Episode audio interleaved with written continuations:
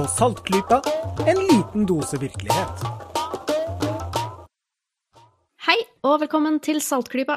Vi har kommet til episode 176. Jeg heter Kristin, og jeg har med meg noen skikkelig kule folk i dag. Det er selvfølgelig som alltid Jørgen. Hallo, hallo, alle sammen. Det er Elisha er med. Hallo! Og vi har jo selvfølgelig Bendik. Naboen driver og pusser opp, så jeg håper at han ikke banker altfor mye med hammeren sin akkurat mens vi driver og tar opp. Det blir spennende å følge med på. Eventuelt så får du en liten redigeringsjobb. Eventuelt det. Eventuelt. Vi får se. Vi får se. Ellers er det kanskje litt hyggelig med litt lydkrydder i bakgrunnen. Eh, Vi skal eh, ta for oss et eh, tema som vi egentlig ikke har snakka så mye om før, så vidt jeg husker, i Saltklypa. Nei, vi burde jo strengt tatt ha prata om det for sånn 175 episo- episoder siden. Ja. Ja, det er et stort tema, da.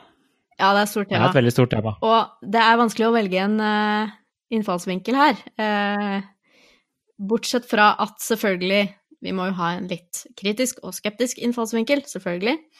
Uh, men man kan liksom ta det veldig seriøst. Man kan liksom bare gjøre narr av det. Man kan ja, sitte i et halvt år og studere det og være veldig akademisk oppi det hele. Men uh, skal vi snakke litt om uh, Steiner-bevegelsen, eller? La oss gjøre det. Ja.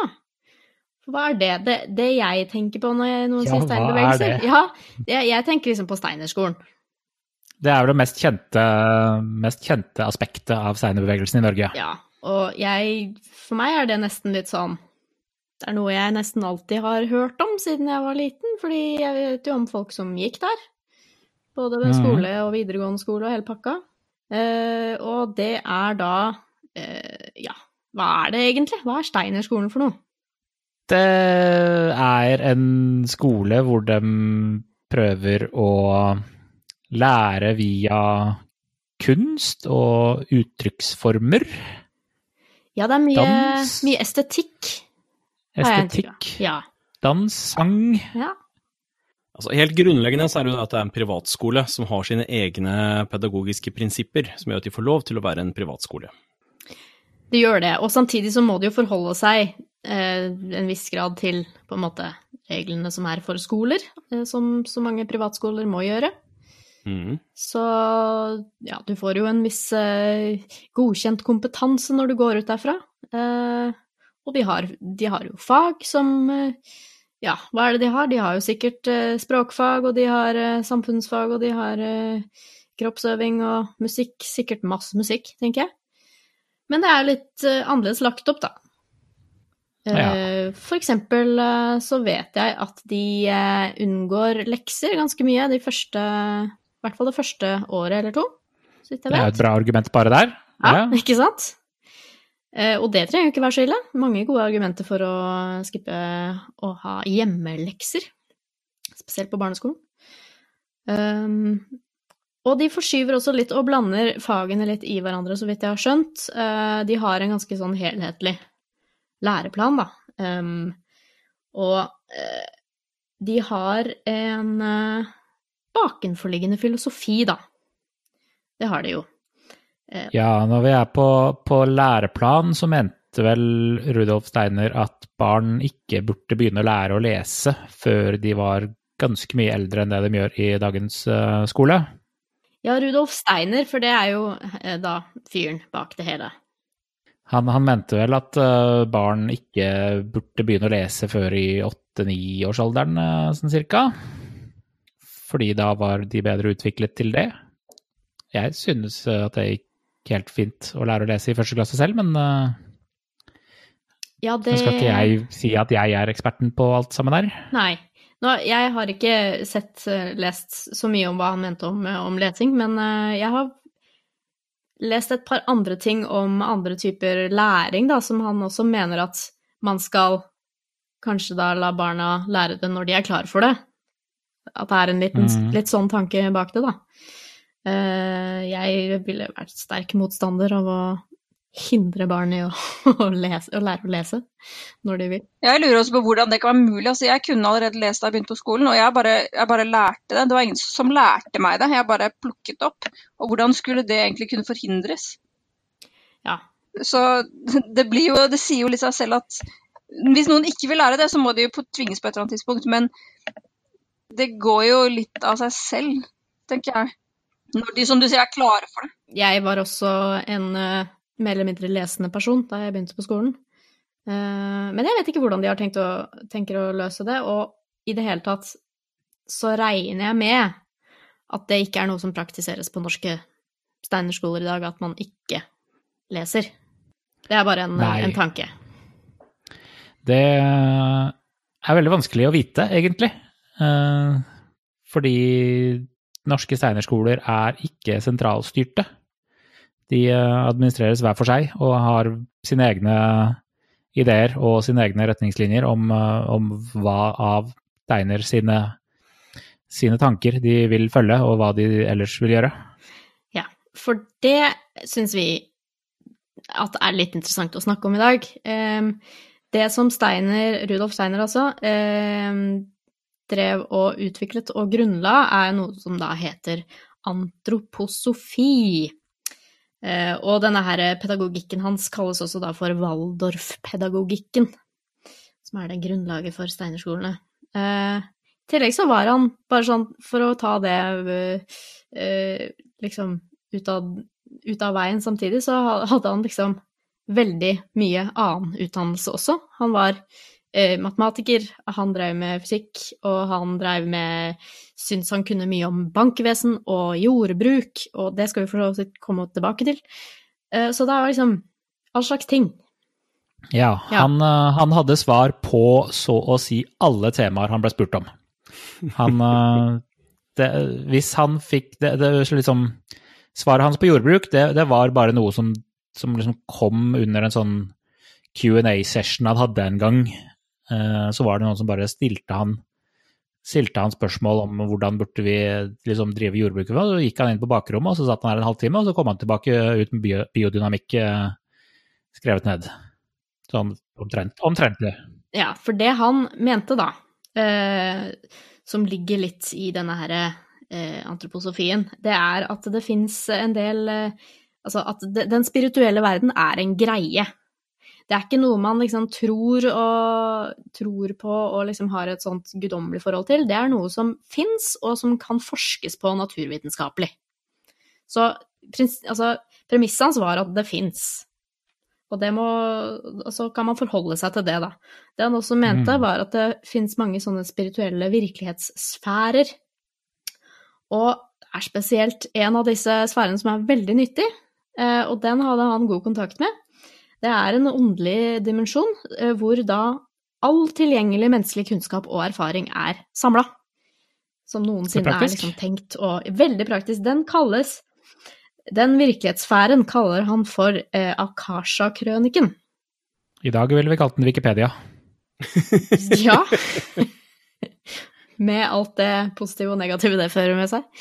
Mhm. Eh, Så hvis man da, bare man følger hans metoder, vet du, da får man også innsikt i den sfæren. Og det var jo selvfølgelig da herfra han hentet disse svarene han hadde på alt, tenker jeg. Ja, Jeg regner med det. det er derfor han ikke behøvde noe lang tid på å utvikle disse konseptene sine. Ja. Og det er eh, Ja, det er liksom ånder og sånt som har, knytta til forskjellige aspekter ved menneskeligheten, positivt og negativt, og som eksisterer blant oss og tjo og hei. Så det er eh, veldig mye rart. Eh, spørsmålet vi må stille oss da, er at eh, er det mye av dette her som faktisk læres bort i Steinerskolen?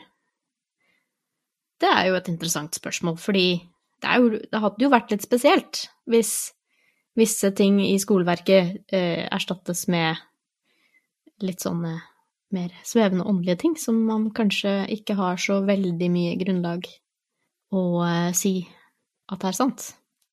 Eh, så det eh, er veldig interessant. Så vidt jeg Hvis jeg liksom får lov å ta tentaklene litt inn i den derre derre sfæren hans, så har jeg liksom inntrykk og følelse av at det ikke er så mye av det i norske steinerskoler. Men som du sa, Bendik, så er det jo ikke noe særlig sentralstyring. Nei, så det er veldig vanskelig å få data på dette her.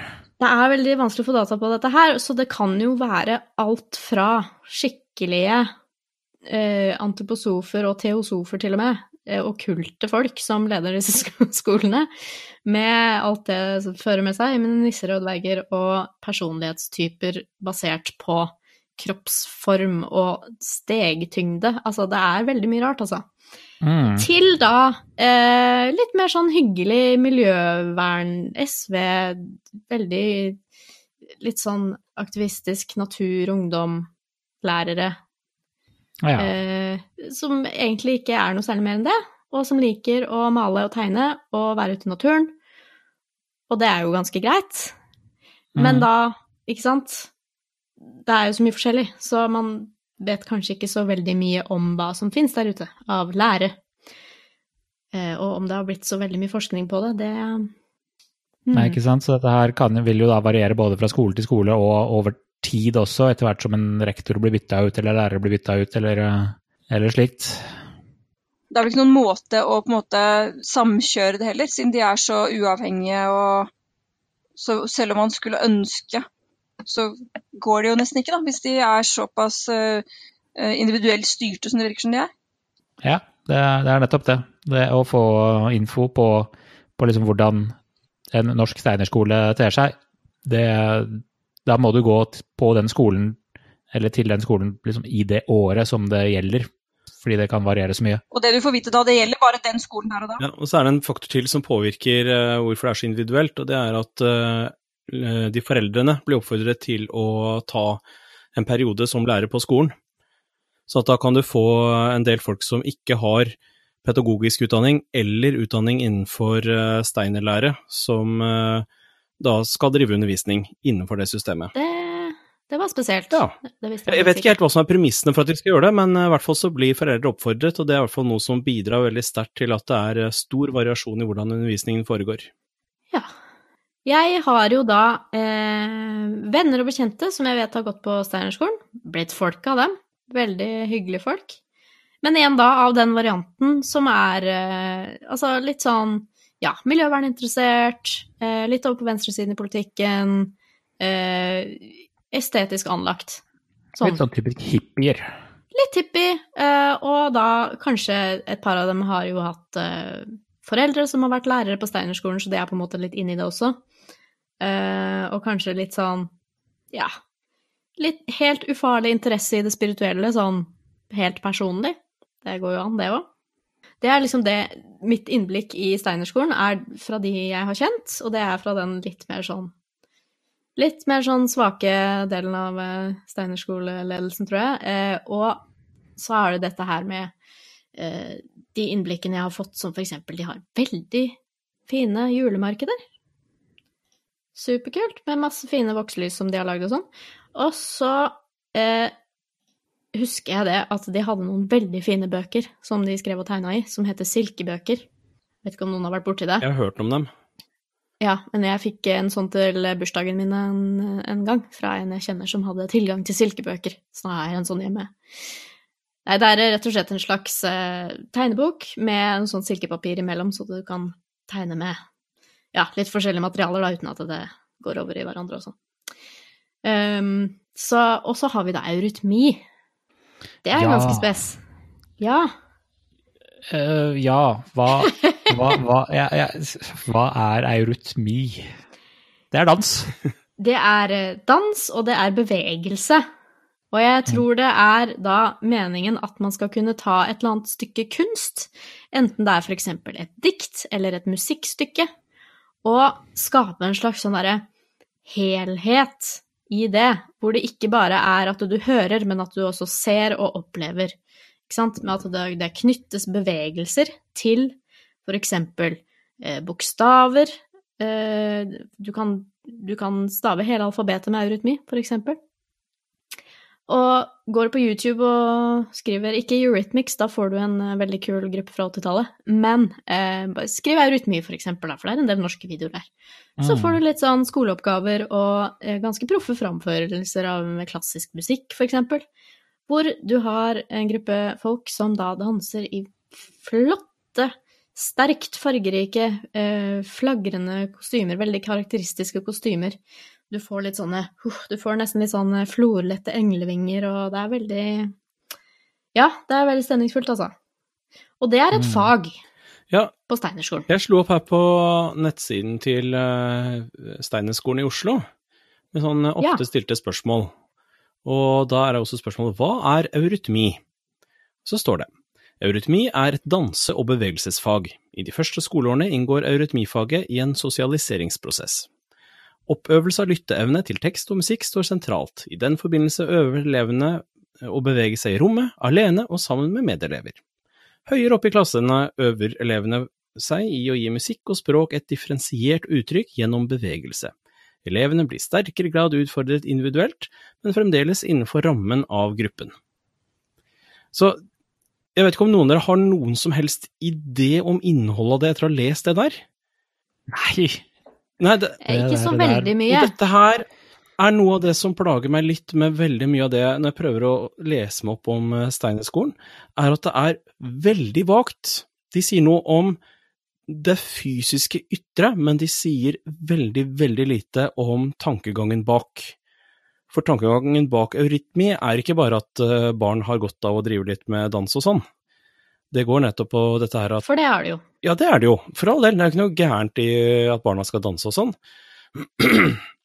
Men, eh, men det ligger jo mer bak. Ikke at jeg er noen ekspert på dette her på noe som helst vis, men jeg har nå hørt diverse historier om eh, folk som har blitt eh, tvunget til å danse samme bokstaven om igjen og om igjen for å rette på noe ved personligheten sin, osv. Hvis de f.eks. har vært litt eh, vel obsternasige i en periode, så må de danse en bokstav veldig lenge. Sånne ting som Oi det. Det står det ikke akkurat her, for å si det på den måten. Nei. Så det, det er noe som virkelig plager meg, at den offisielle informasjonen de kommer med, den, altså, den viser liksom de fysiske rammene nærmest, men veldig lite av tankegodset bak hvorfor de gjør det de gjør. Ja, for alt knyttes jo til dette her konseptet i antroposofien om dette her tredelte, da, eh, i mennesket. Altså at du har ikke bare kropp og sjel, men også ånd, mm. som på en måte eksisterer ved siden av hverandre. Og, eh, og Steinerskolen legger også vekt på det at hvert menneske må behandles individuelt, som en sånn unikt menneske. Det er fint og flott, det. Eh, Men det er jo antroposofien som ligger bak dette her. Men det, altså, det igjen har jo et ganske sånn Ja, man kan nesten si eh, Man kan bare lese eksempel altså en helt nøytral Store norske leksikon-artikkel om Rudolf Steiner, så er det jo Han var jo veldig interessert i okkultisme, for eksempel. -hmm. Så han drar jo veldig mye ut fra eh, ja, sånn teosofi og sånne morsomme ting. Um, og man kan jo spørre seg hva skolene, da, eh, legger i grunnlaget for det de ja, for det de lærer bort, som eksempel disse spesielle fagene som eurytmi. Det er jo selvfølgelig ikke alle skoler som engang har eurytmi, eh, men de som har det, em, behandler de det bare som en sånn sunn utfoldelse og estetisk fag for elever, eller tenker de veldig over grunnlaget for det? Det er jo et spørsmål man kan stille seg, og der igjen tror jeg svaret er det er litt forskjellig.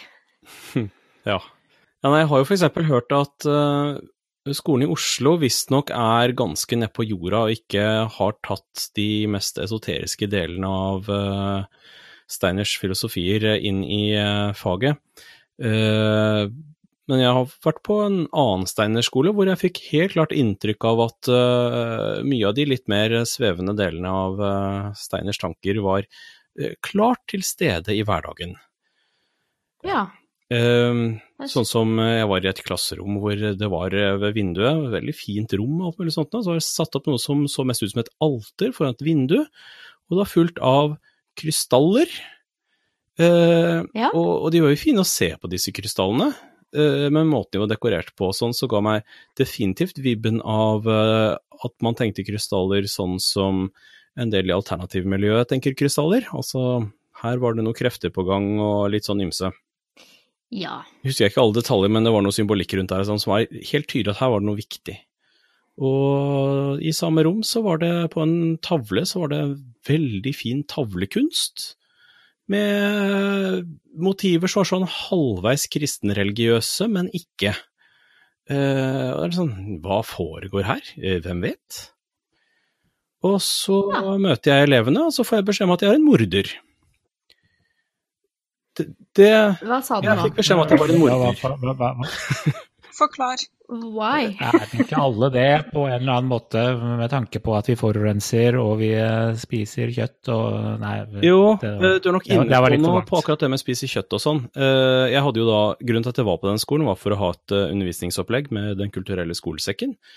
Og det handlet om steinalder, og da hadde jeg jo med diverse ting man kan finne arkeologisk. Da skulle vi liksom lage en sånn steinalderboplass og litt sånn, og blant annet skulle elevene få sitte på noen skinn, for ikke å sitte rett på det harde gulvet.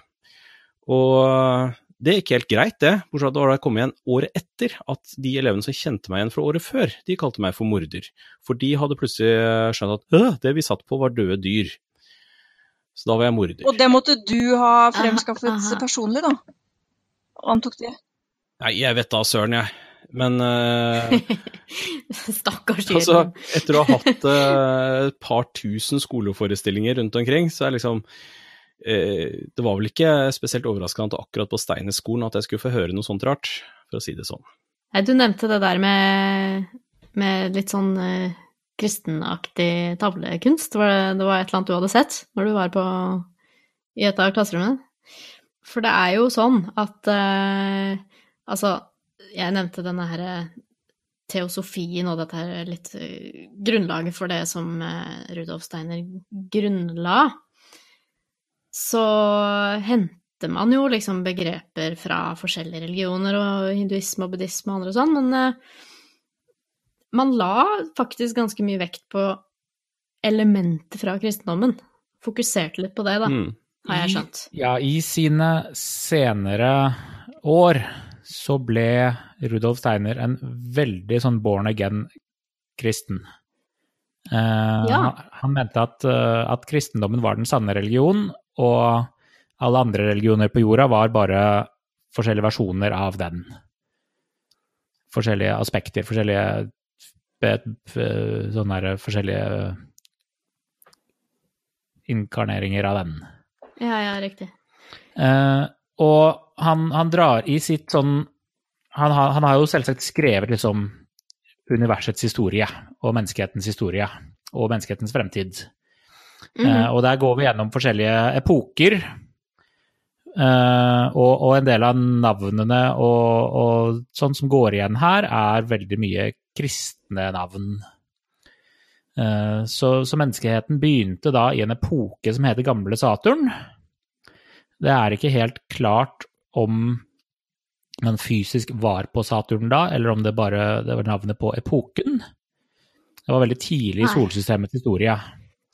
Det var ikke Age of Aquarius, altså. Det var ikke Age of Aquarius, det var Age of Saturn. Uh, Ja. Og så svinger vi innom The Age of the Sun, hvor ting blir varmt, og Age eh, Old Moon, hvor eh, ting begynte å få lys og skygge, og så er vi på jorda.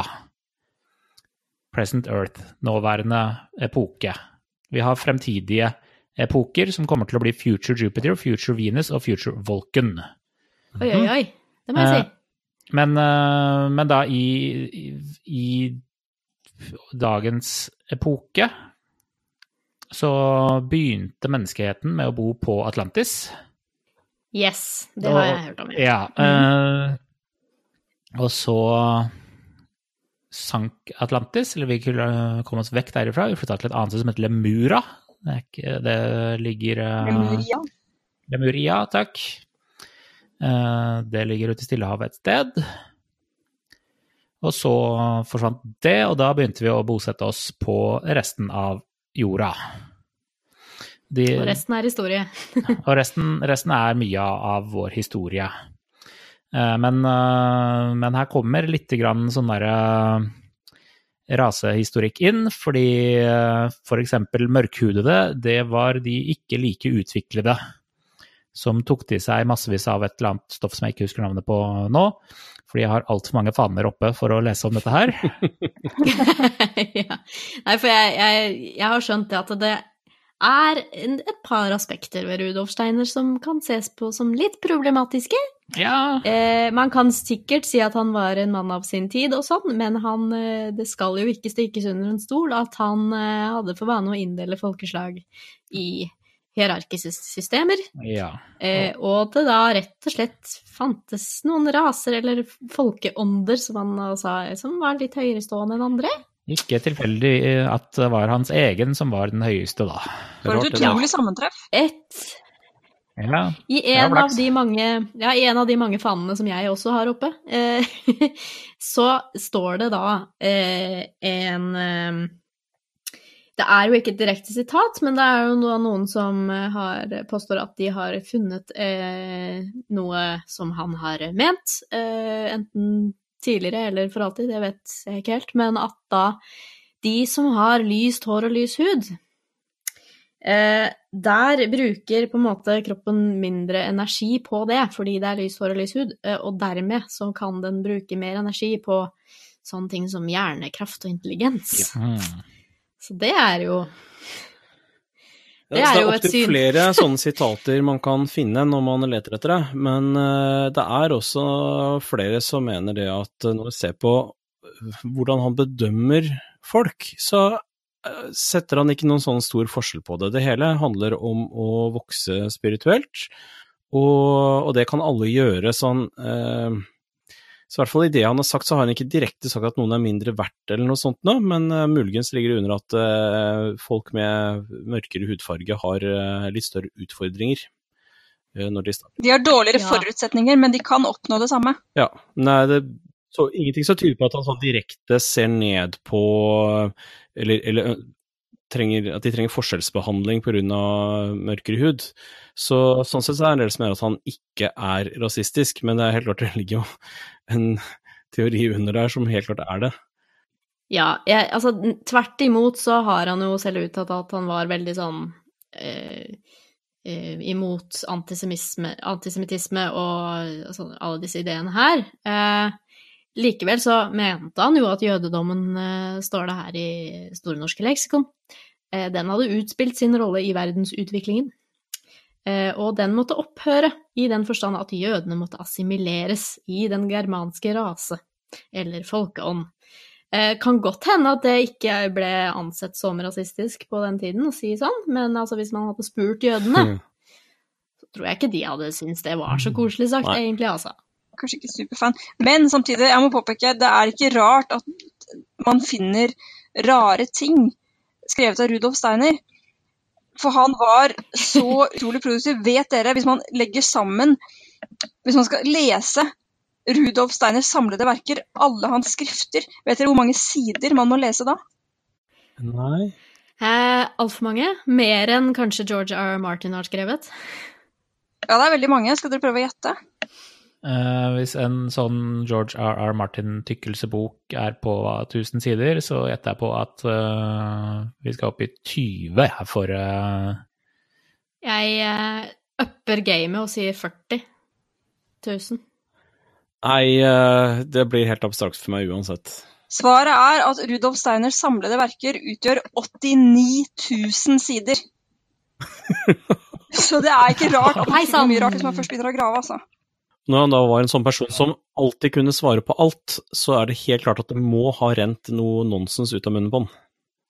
Ja, og, og, og det skal også sies at alle hans primære kilder, der hvor man har skrevet ned hva han har sagt, eller eh, hva han har skrevet, så rambler han masse og hopper fra tema til tema og fra poeng til poeng. Så det er veldig vanskelig å tolke helt klart hva det er han mener. Fordi mannen som snakker som Donald Trump, han bare, det er helt uforståelig med hvordan han bare hopper og hopper og klarer aldri å holde seg på tema. Sånn at, eh, sånn at det er ikke tilfeldig, vet du. Nei, og det, det er jo veldig bra for, for hans ettermæle, for det betyr jo at uh, alt hva han har skrevet kan tolkes akkurat slik som uh, lytter har lyst til å høre det. Mm. Ja, nei, Det der var jo sikkert helt bevisst at uh, man må ikke uttale seg klart. Dette vet jo alle politikere også. Man må ikke uttale seg klart og tydelig, for da kan noen ta deg på det. Mm. Så tåkeprat, det er tingen for en politiker. Og for en antroposof, da. For en person som vil eh, utbre seg ideologisk, Uh, så er det helt klart at du må ikke være klar og tydelig. Det blir feil.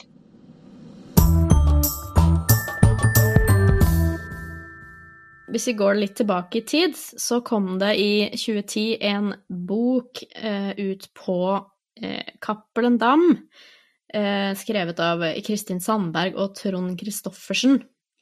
De har begge bakgrunn fra Steinerskolen, både som elever og som lærere, så vidt jeg har skjønt. Eh, de gjestet også, eh, hvis det er noen nostalgikere blant våre lyttere, Yeah. konferansen Kritisk masse det året. Mm. Eh, Da var den boka ganske ny. Eh, Og eh, den De er ikke akkurat noen venner av Steinerskolen.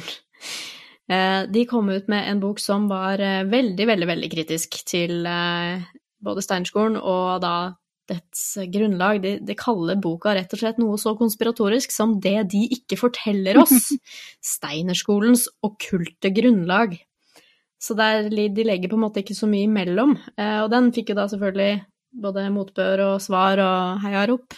Um, og seinere da, litt seinere, så ble det da publisert en eh, lang artikkel på fritanke.no, som da drives av Humanisk Forbund, eh, som heter Den store Steinerskole-artikkelen, og jeg måtte tilbake og lese den, jeg husker jeg leste den den gangen, eh, som tok litt for seg denne her debatten, da. Og hva greia med Steinerskolen egentlig var, og de prøvde å finne litt ut av det. Og om det var så ille, da, som Sandberg og Christoffersen ville ha det til. Der intervjuet de blant annet eh, eh, skal vi se, styreleder i Steinerskoleforbundet i Norge. Eh, hun heter Gry Veronica Alsos. Hun var i hvert fall det da, i 2010. Eh, selvfølgelig eh, kom, eh, avviste enhver påstand som Fri Tanke la frem, eh, som var litt basert på denne boka, da. Ja, som gikk mye ut på litt sånn okkultisme, eh, åndelighet, eh, misjonering overfor foreldre, altså sånne ting der, ble blankt avvist. Eh, Rudolf Steiner sine problematiske syn, som vi har gått litt inn på nå, ble selvfølgelig også da sagt at det, selvfølgelig eh, avviser de sånne problematiske ting. Og jeg tror jo selvfølgelig på det, til en viss grad. Eh, men igjen, da, så er det dette personer som har hatt en fot innenfor Steinerskolen, som har kritisert dem, så der tror jeg det kommer veldig an på igjen det vi sa helt i begynnelsen, at det er så mye forskjellig. Altså, du kan ha folk som bare driver en Steinerskole fordi det skal være et, et estetisk alternativ til vanlig eh, statsstyrt skole. Og så har du kanskje folk som eh, ja, ser på kroppsformen og stegtyngden til eleven og vurderer dem ut fra det. Um, så det er litt sånn Det er litt mye frem og tilbake. Jeg anbefaler at, at dere leser den, dere som ikke har det. eh, Denne her eh, Den store Steiner skole-artikkelen. Det er en eh, Ja, det er en eldre artikkel i Fri Tanke, så den er litt sånn på formatet og sånn. Den er ikke helt ideell, men det går an å lese den. Eh, så den er eh, Det er jo greit at man i hvert fall da får litt eh, frem og tilbake, da, med disse her steile frontene i Steiner-debatten. Og det er jo litt rart at det ikke har vært så mye Steiner-debatt i det siste, i hvert fall ikke som jeg Nei, jeg syns det har vært påfallende stille, egentlig. Så og se her, vet du, her kan du ta bachelor i eurytmi. Det er ganske kult, da. Det er mange Også sånn Mye dansing, altså. Det er ille mye dansing. Men altså, man kan jo ta bachelor i ballett, så det er jo Mm. ikke noe forskjell, det. Litt mer eh, åndelig. Men i Sverige så har det vært eh, litt mer eh, bruduljer. Fordi der har de Ja. et eh, sykehus for antroposofisk medisin. Ja. eh, Nå har ikke jeg Ja, lest meg litt dette akkurat nå, så nå tar jeg dette fra hukommelsen. eh, Så det blir litt ullent her. Men de driver jo da selvfølgelig blant annet eh, veldig mye eh, homøopatibehandling. Og har fått offentlig støtte.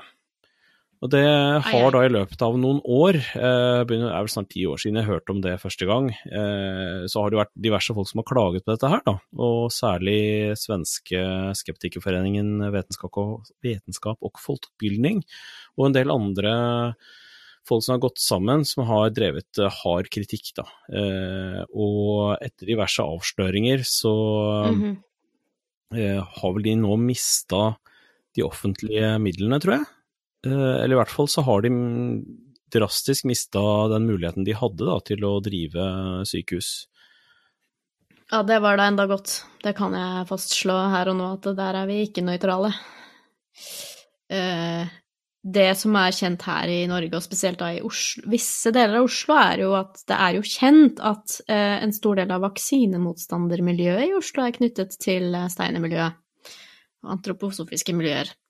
Eh, så bare det gjør jo at eh, det er litt vanskelig å være nøytral når man går inn og skal sjekke ut hva Steinerskolen og Rudolf Steiner eh, består i. Og Der har det også falt noen meget uheldige utsagn fra folk i miljøet. Det var jo, Jeg husker ikke hvem det var, men det var en kvinne. Hun sa jo det når hun ble i en eller annen sammenheng så at Barn kan jo faktisk dø av meslinger, da.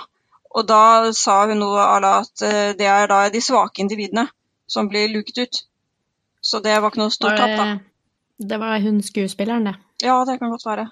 Jeg husker ikke hvem det var. Men det var sånne ting som Det er noe sånn som du kanskje kan tenke, men det er ikke nødvendigvis så taktisk lurt å si det høyt, da. Nei, heller ikke praktisere det, syns jeg, da. Så altså, her begynner vi på en måte å gå fra eh, fine tegninger på tavla til eh, litt mer alvorlige ting. Ja, og en del uh, idiotiske ting også. Jeg har lyst til å bare si at, at Steiner, Steiner, selv mente en del ting som vi i dag vet er direkte feil. Som f.eks. han mente at planetene ikke roterer rundt sola. Det var han ganske Ja. bastant på.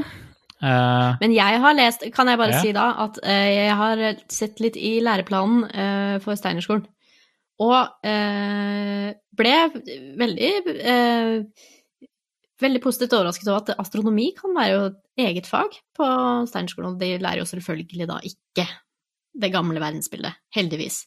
Eh, men fokuserer da veldig mye på å lære, eh, uten at det er, eh, uten at det er pseudovitenskapelig, da, men, men veldig mye fokus på himmelretninger, månens faser, mm. eh, ja, flo og fjære, sånne ting som det der, da. Litt mer sånn naturnære ting. Ja, for han var, vi, vi kommer litt tilbake til det når vi skal prate om litt biodynamikk, men han var jo veldig stor på astrologien, eller månefaser og, og slikt.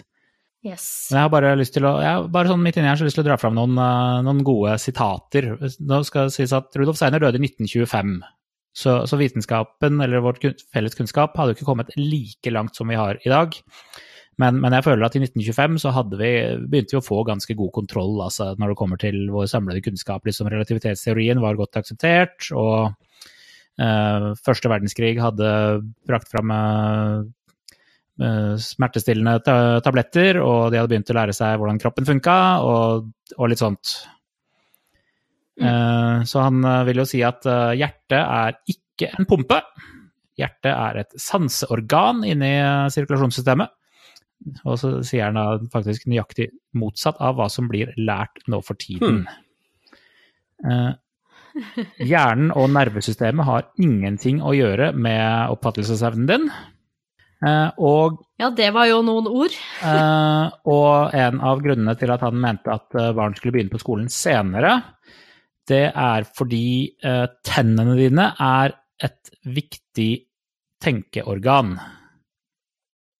Tennene, sa du. Ja. Tennene. De hvite, harde tingene som du har inni munnen din. OK. Å ja, de, ja. Han sier at moderne vitenskap vet ikke at tennene er det mest viktige organet for eh, tankeprosessen. Så når du er et barn, før du har mista ditt første sett med tenner, så kan du egentlig ikke tenke. Så det er når du får ditt, eh, ditt første sett, andre sett med tenner, at eh, den samme prosessen som bringer disse tennene fram, er den samme prosessen som lærer deg å tenke, som lærer deg å våkne. Aha. Så eh, mine leseferdigheter som førsteklassing, eh, som var nesten ferdige da jeg begynte på skolen, de, de hadde ikke så mye med tanker å gjøre, da. Det var kanskje en mer refleks, fordi jeg hadde definitivt ikke fått alle mine tenner da jeg begynte på skolen. Men ok. Feil. Mhm. Ja. Nei. Ja vel. Eh, når vi kommer til eh, religion, han mente jo at alle religioner eh, liksom var det der, så sa han at eh, Buddha eh, døde ikke, men dro til Mars og ble deres eh, Mars sin, eh, sin Kristus og reddet den planeten. Ja, for det bor folk der òg. Ja, det bor folk der. Det bor folk på månen, månen ja. bor folk på månen også. Eh, Ja, men det var det jo kanskje Kanskje til og med ganske mange som trodde på. det kan det godt ha vært i 1925. Eh, Ja. Nei, så Og, og det er også som uh, sier han at uh, blonde er mer intelligente, ja. Det er et direkte sitat. ja. Eh, jeg farger håret mitt, så, så jeg gjør meg selv dummere. Det er fortsatt greit nok, det. Samme. Og det er ikke bare, men det er ikke bare tennene som, som kan tenke. Vi tenker også med fingrene og, og tærne våre. Hvis man uh, bare, bare jobber litt med det, så tenker man bedre med det enn med hodet. Men nå eh, har man jo liksom da funnet ut at man tenker med tarmen og sånn. Han, han, sa ikke noe om det, da. Han hadde ikke noe som sånn, jeg kan se i, blant de sitatene jeg har her. Så han missa det. Eller han holdt det hemmelig, altså. Mm. Så lenge han hadde det. Der kan du se. Det står nok et eller annet sted i de 89 000 Han har jo skrevet utrolig mye, da. Så Et eller annet, se. det, Ja. jeg ser, det, det som er interessant her på disse, på disse kildene mine, er jo at liksom, han, han levde jo fram til 1925. Men de fleste bøkene om hans, eller av, av han, da, kom ut 50 år etter.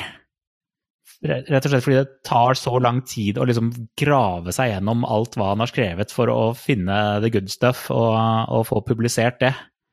Så det var ikke et sånt koseyrke å være redak redaktøren til han? Altså. På ingen måte. Nei. Stakkars, det virker jo forferdelig. Hvis jeg kan få slenge inn et sitat her òg.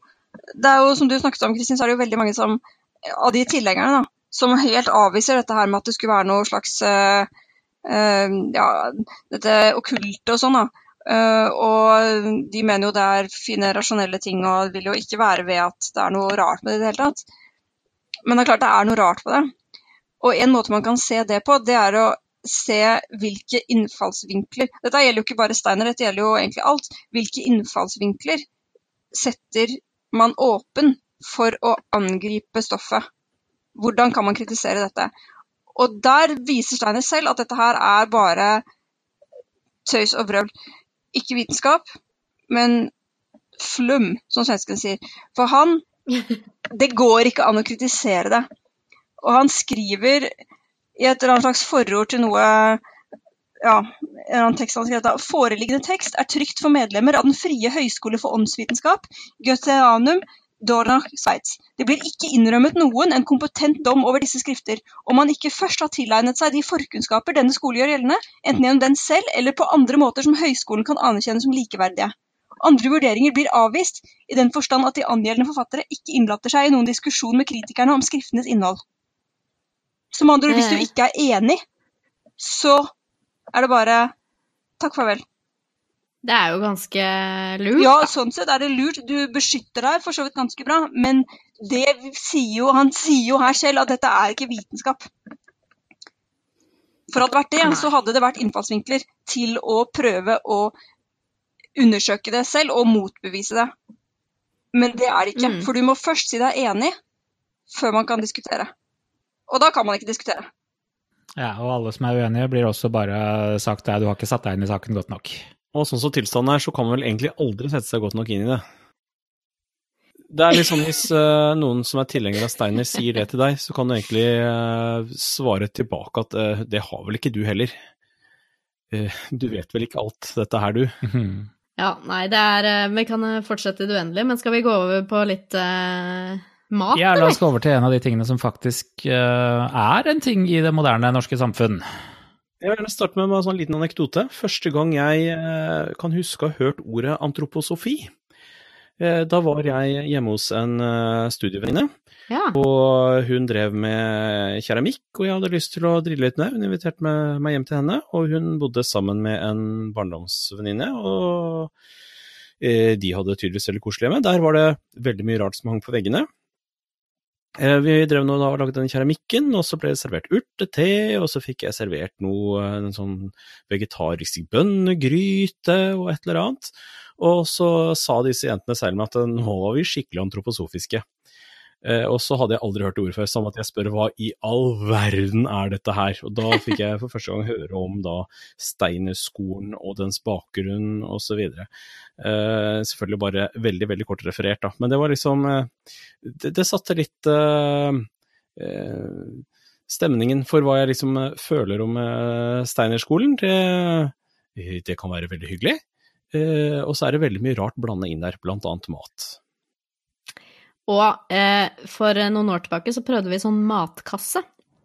Mm. Eh, sånn, sånn gjenlevering, det er jo veldig poppis. Eh, vi tenkte å prøve sånn eh, vegetarmatkasse. Sånn, ikke sånn veldig sånn vegansk eller sånn, men eh, sånn sunne norske produkter og eh, Og da kommer man jo ikke unna. Når man først skal gå dit, så må alt være økologisk og sånn i tillegg, ikke sant. Og det Man kan dessverre ikke velge en Mm. ikke-økologisk vegetarmatkasse, eh, men eh, greit nok. Eh, Men det var også da eh, Kolonihagen sin matkasse. Eh, Veldig gode råvarer og sånn. Det de også skrøt av, er at mange av deres produkter var biodynamiske. Potetene, for eksempel. Det er jo- et veldig fint ord, da. Veldig fint. Mhm. Og det er også mye vin som er biodynamisk. Og så for de som har sett Folkeopplysningen i år, det er jo selvfølgelig de fleste, regner vi med, eh, så hadde de en sånn liten kort snutt som forklarer litt om hva biodynamisk er. Den må jo alle sørge for å ha sett. Det er, eh, det er vel bare fem minutters snutt, så det har jo alle tid til. Eh, De går inn på Vinmonopolet, og så spør de hva er biodynamisk. Og det er jo ingen som vet hva det er. Nei, det er ingen som vet hva det er. Det er liksom sånn, Økologisk det er jo ingen som vet hva det er. Det er liksom sånn, ja, nei, det er vel økologisk, da. Og naturlig og sunt og sånn. Eh, så det er jo Det er typisk. Det er sånn som når for noen år tilbake man spurte folk hva homopati var, så sa de ja, nei, men det er vel noe sånn Det er vel noe sånn urtemedisingreier, da. Ikke sant? Man, man går til homopat, men man vet ikke hva homopati Mm. er. Og der tror jeg litt av suksessen Ja. til biodynamikk eh, ligger, altså. For hva er biodynamikk? Er det noen som har lyst til å forklare det? Ka- kan vi bare forklare noen, noen aspekter av biodynamikk? Uh, biodynamikken er veldig opptatt av uh, årstider. Så den nesten, har nesten et astrologisk eh, tilnærming til når du skal uh, så og høste og slikt. Den, den bryr seg egentlig ikke om om kornet er klart for høsting. Det sier bare at du skal høste på den datoen, og det er da du skal stå også. Ja, ikke nødvendigvis dato, men månefaser og sånn, da. Ja. Ja, man har visst en sånn såkalender og greier som man følger. ja. Og sånn Og så ser man hvor, når sola står i visse stjernebilder Ja. og sånn, så kanskje det blir regn, og så kan man få en frukt Ja, og sånn cirka så går det jo, men, men jeg tror ikke en moderne bonde ville liksom kunne sagt at eh, ja, seks måneder i forveien at eh, nå, den dagen er beste dagen å høste på. Man, man burde liksom se det an litt. Men allikevel så er det jo masse gårder i Norge som kjører biodynamisk landbruk. Hva er greia? Eh, Fordi, um, ja, det en, en, jeg vil bare nevne en, en rar ting til. Eh, hvis man skal drive biodynamisk, så, så er, er jo en av uh, tingene for å gjødsle jorda, det er at uh, du skal ta et uh, bukkehorn og fylle det med, med gjødsel, det vil si møkk fra andre dyr, og plante det på et bestemt sted på åkeren din. Da får du god avling. Ja, det er jo ikke bare sånn heller. Det er, det er, det er noen urter og sånn som skal oppi der, og så skal det graves ned på et bestemt hjørne av åkeren en så og så lang tid, og så graves opp igjen, og så skal innholdet blandes ut i vann, så du får en homeopatisk oppløsning, og så skal jordet vannes med det. og det er jo kjempegøy at vi da eh, trakk parallellen til homopati, og at folk ikke vet hva det er. Og så viser det seg at biodynamikk jaggu Ja, dukker Det opp er der òg. homeopati for Fordi- planter. Ja. Du har ikke bare liksom dette kuhornet, og så har du noen kuhorn utover jordet ditt. Nei, nei. Man tar en bitte liten del av innholdet i det kuhornet, eh, og så blander man det ut med vann. Og så, som i homopatien, så skal man liksom banke en skinnbibel mot et eller annet himmelretning i røret.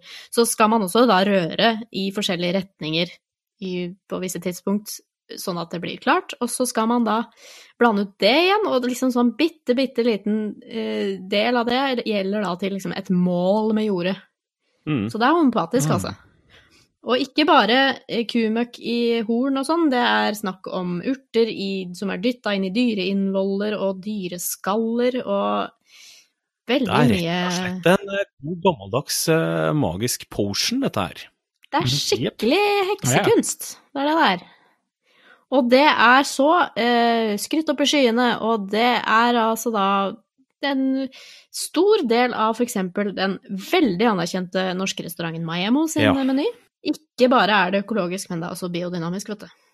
Eh, så det er jo litt trist at Altså, det er jo ikke giftig eller sånn, men det er bare litt trist at man skal holde på Ja, sånn. og så er det litt sånn, de, de er veldig opptatt av at dette er så innmari bra, men samtidig så virker det som de, i hvert fall en del av de som driver biodynamisk, eh, driver og gjemmer litt vekk hva det egentlig er. Sånn som dette her eh, hornet med gjødsel. Eh, Når det går på Debio sine sider, det er jo de som overvåker eh, at alt går rett for seg med dyrking av økologisk og biodynamisk mat. Når du liksom begynner å lese om biodynamisk, så står det ikke noe om det, men det står henvisning til at ifølge eh, regelverk sånn og slik, og så begynner du å bla deg nedover og nedover i dokumentene, så finner du det til slutt. Men, eh, men de har gjemt det godt unna, så du må være blant dem som faktisk graver deg ned til siste slutt for å finne det. Men hvorfor det? Er det fordi de er flaue over å innrømme Ja. det, eller vil de liksom ikke stå for grunnlaget av det de Jeg skjønner Jeg, ikke, jeg altså. setter en knapp på det, at, eh, at en eller annen person som hadde ansvaret for å skrive de dokumentene der, innså at dette her må med, men dette her er så potte idiotisk at eh, man ikke kan, eh, kan fronte med det, for da vil de miste all respekt. Så, så derfor eh, så er, tar de det liksom bare med som en technicality sånn på slutten i den lille skriften helt nederst. De, de tror kanskje på det selv, men de skjønner samtidig hva andre kommer til å tenke om det. Ja, det kan være, kan være det også. De skjønner at folk flest kommer til å tenke at det her er jo liksom Zinu, da, eh, for syntologene. Det er så fjernt at de bare kommer til å bli ledd ut. Ja, det er jo noen som er litt mer rett fram på at ja, det er sånn vi gjør det, og det er en kul ting. Så det er ikke alle som gjemmer det bort, men noen gjør det, f.eks. Debio. Det, ja, altså, jeg syns det er greit. Hvis man, hvis man først skal fronte sånt, så må man jo fortelle folk hva det er. Og ikke bare gjøre det populært først, liksom. Noe av det som har gjort det populært, er jo i vinproduksjon. Veldig mye biodynamisk vin. Og der har de, jeg vet ikke om de har kjørt kampanje eller åssen de har fått det til, men det er eh, Jeg har selv hørt eh, programmer på NRK, programmer som eh, vanligvis pleier å ha ganske god kildekritikk og stille kritiske spørsmål og sånn, hvor de liksom skal analysere hva er en biodynamisk vin, og så bare smaker de på den, og så sitter en som er såkalt ekspert, men som da er også en som agiterer for biodynamisk, og bare snakker om å, kjenn de fantastiske jordsmakene, dette er helt unikt, og driver med priming over en lav sko. Mm. Eh, og det er liksom, og så har det blitt en greie rundt det at folk skal å, kjenne jordsmaken i den biodynamiske vinen. Eh, så det er ren markedsføring, og det funker. Ja, hvis det ikke hadde funka, så hadde de jo ikke gjort det. Mm. Åh. Nei, jeg vet hva? Jeg tror vi skal eh, begynne å avrunde snart, før vi blir helt uh, grønne i trynet av irritasjon. Er det noen som vil liksom oppsummere et eller annet som ikke vi har nevnt om, eh, om Steiner og Steiner-skole og Steiners Jeg, jeg, vil, jeg vil bare avslutte med å si at uh, dinosaurene pustet ild ifølge Steiner. Det er jo Og han var veldig eksplisitt på det. Og veldig eksplisitt på oss, faktisk. Nice. Men da setter vi strek der. Så er vi mye, mye klokere.